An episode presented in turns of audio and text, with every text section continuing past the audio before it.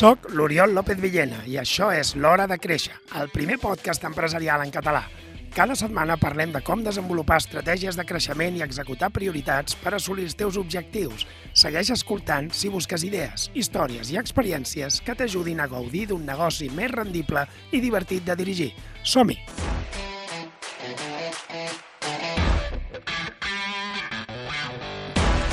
Hora de créixer, hora de créixer a nivell empresarial. Oriol López, molt bon dia. Bon dia. Uh, L'Oriol és uh, assessor estratègic i autor de Creix i Prospera i volem parlar avui, bueno, vam dir que faríem consultes, que Sí. admetríem preguntes als nostres oients i ja en tenim, en tenim un- unes quantes i començarem per la primera, que és una publicista amb molts clients que ha pogut començar a estalviar però que no sap exactament què cobra ni quan en, arriba a guanyar.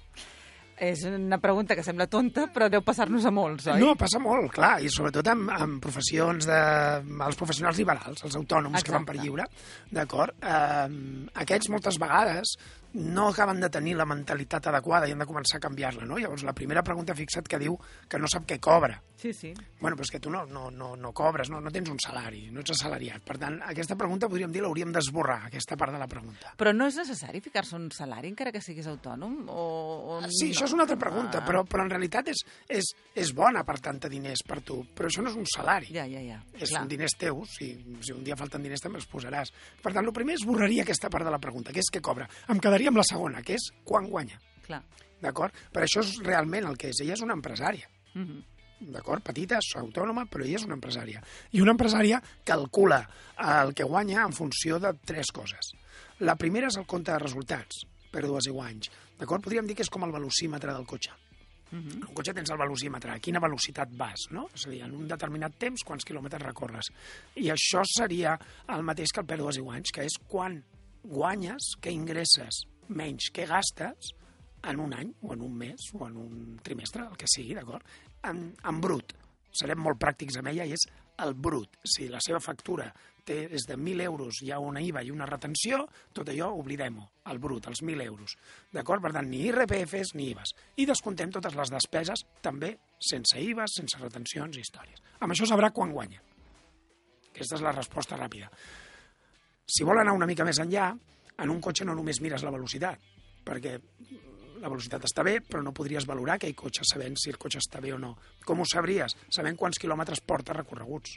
I això és el balanç de situació, és saber què tinc al banc, què em deuen els meus clients i què dec jo. I és la diferència, podríem dir, no? Què, què és el que tinc què eh, dec. menys el que, té, menys el que dec. I això és el compte quilòmetres. Quants quilòmetres porta aquest cotxe? I això també és important saber-ho, tot i que molts empresaris no ho miren, vale? perquè ens dona la imatge de la solvència financera, no? de com estem, de si estem tranquils o no estem tranquils. No? I per últim, un, un, una informació que és molt important en un cotxe és la benzina. Clar. Està molt bé córrer molt i està molt bé que el cotxe estigui molt bé, però si no tens benzina per recórrer més de 10 quilòmetres, morts. Vale? I No la benzina en un negoci són els diners. Els diners. Vale? I dic benzina, però podria ser bateria, eh? a nivell actual, amb, Sí. amb els cotxes elèctrics. Llavors, quan parlem de diners sí que hem de mirar què hem de cobrar. I això sí que és el net final. Allò que dèiem dels 1.000 euros, doncs més l'IVA, menys la retenció, tot lo final.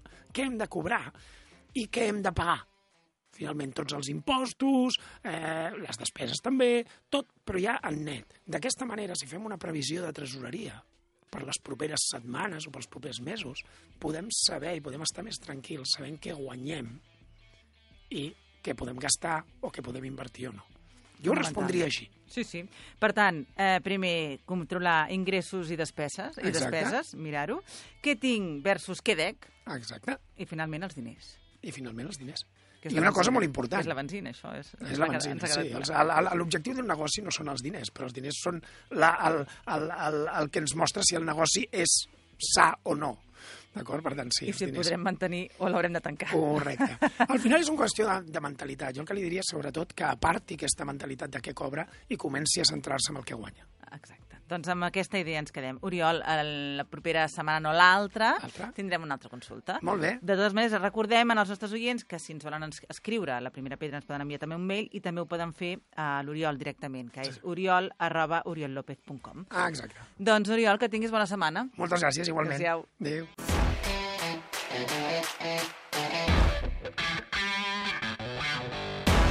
Gràcies per acompanyar-me en aquest episodi de l'Hora de Créixer. Si t'ha agradat, ja saps què has de fer. Escriu una ressenya, comparteix-ho amb algú i uneix-te a la comunitat de les empreses proactives.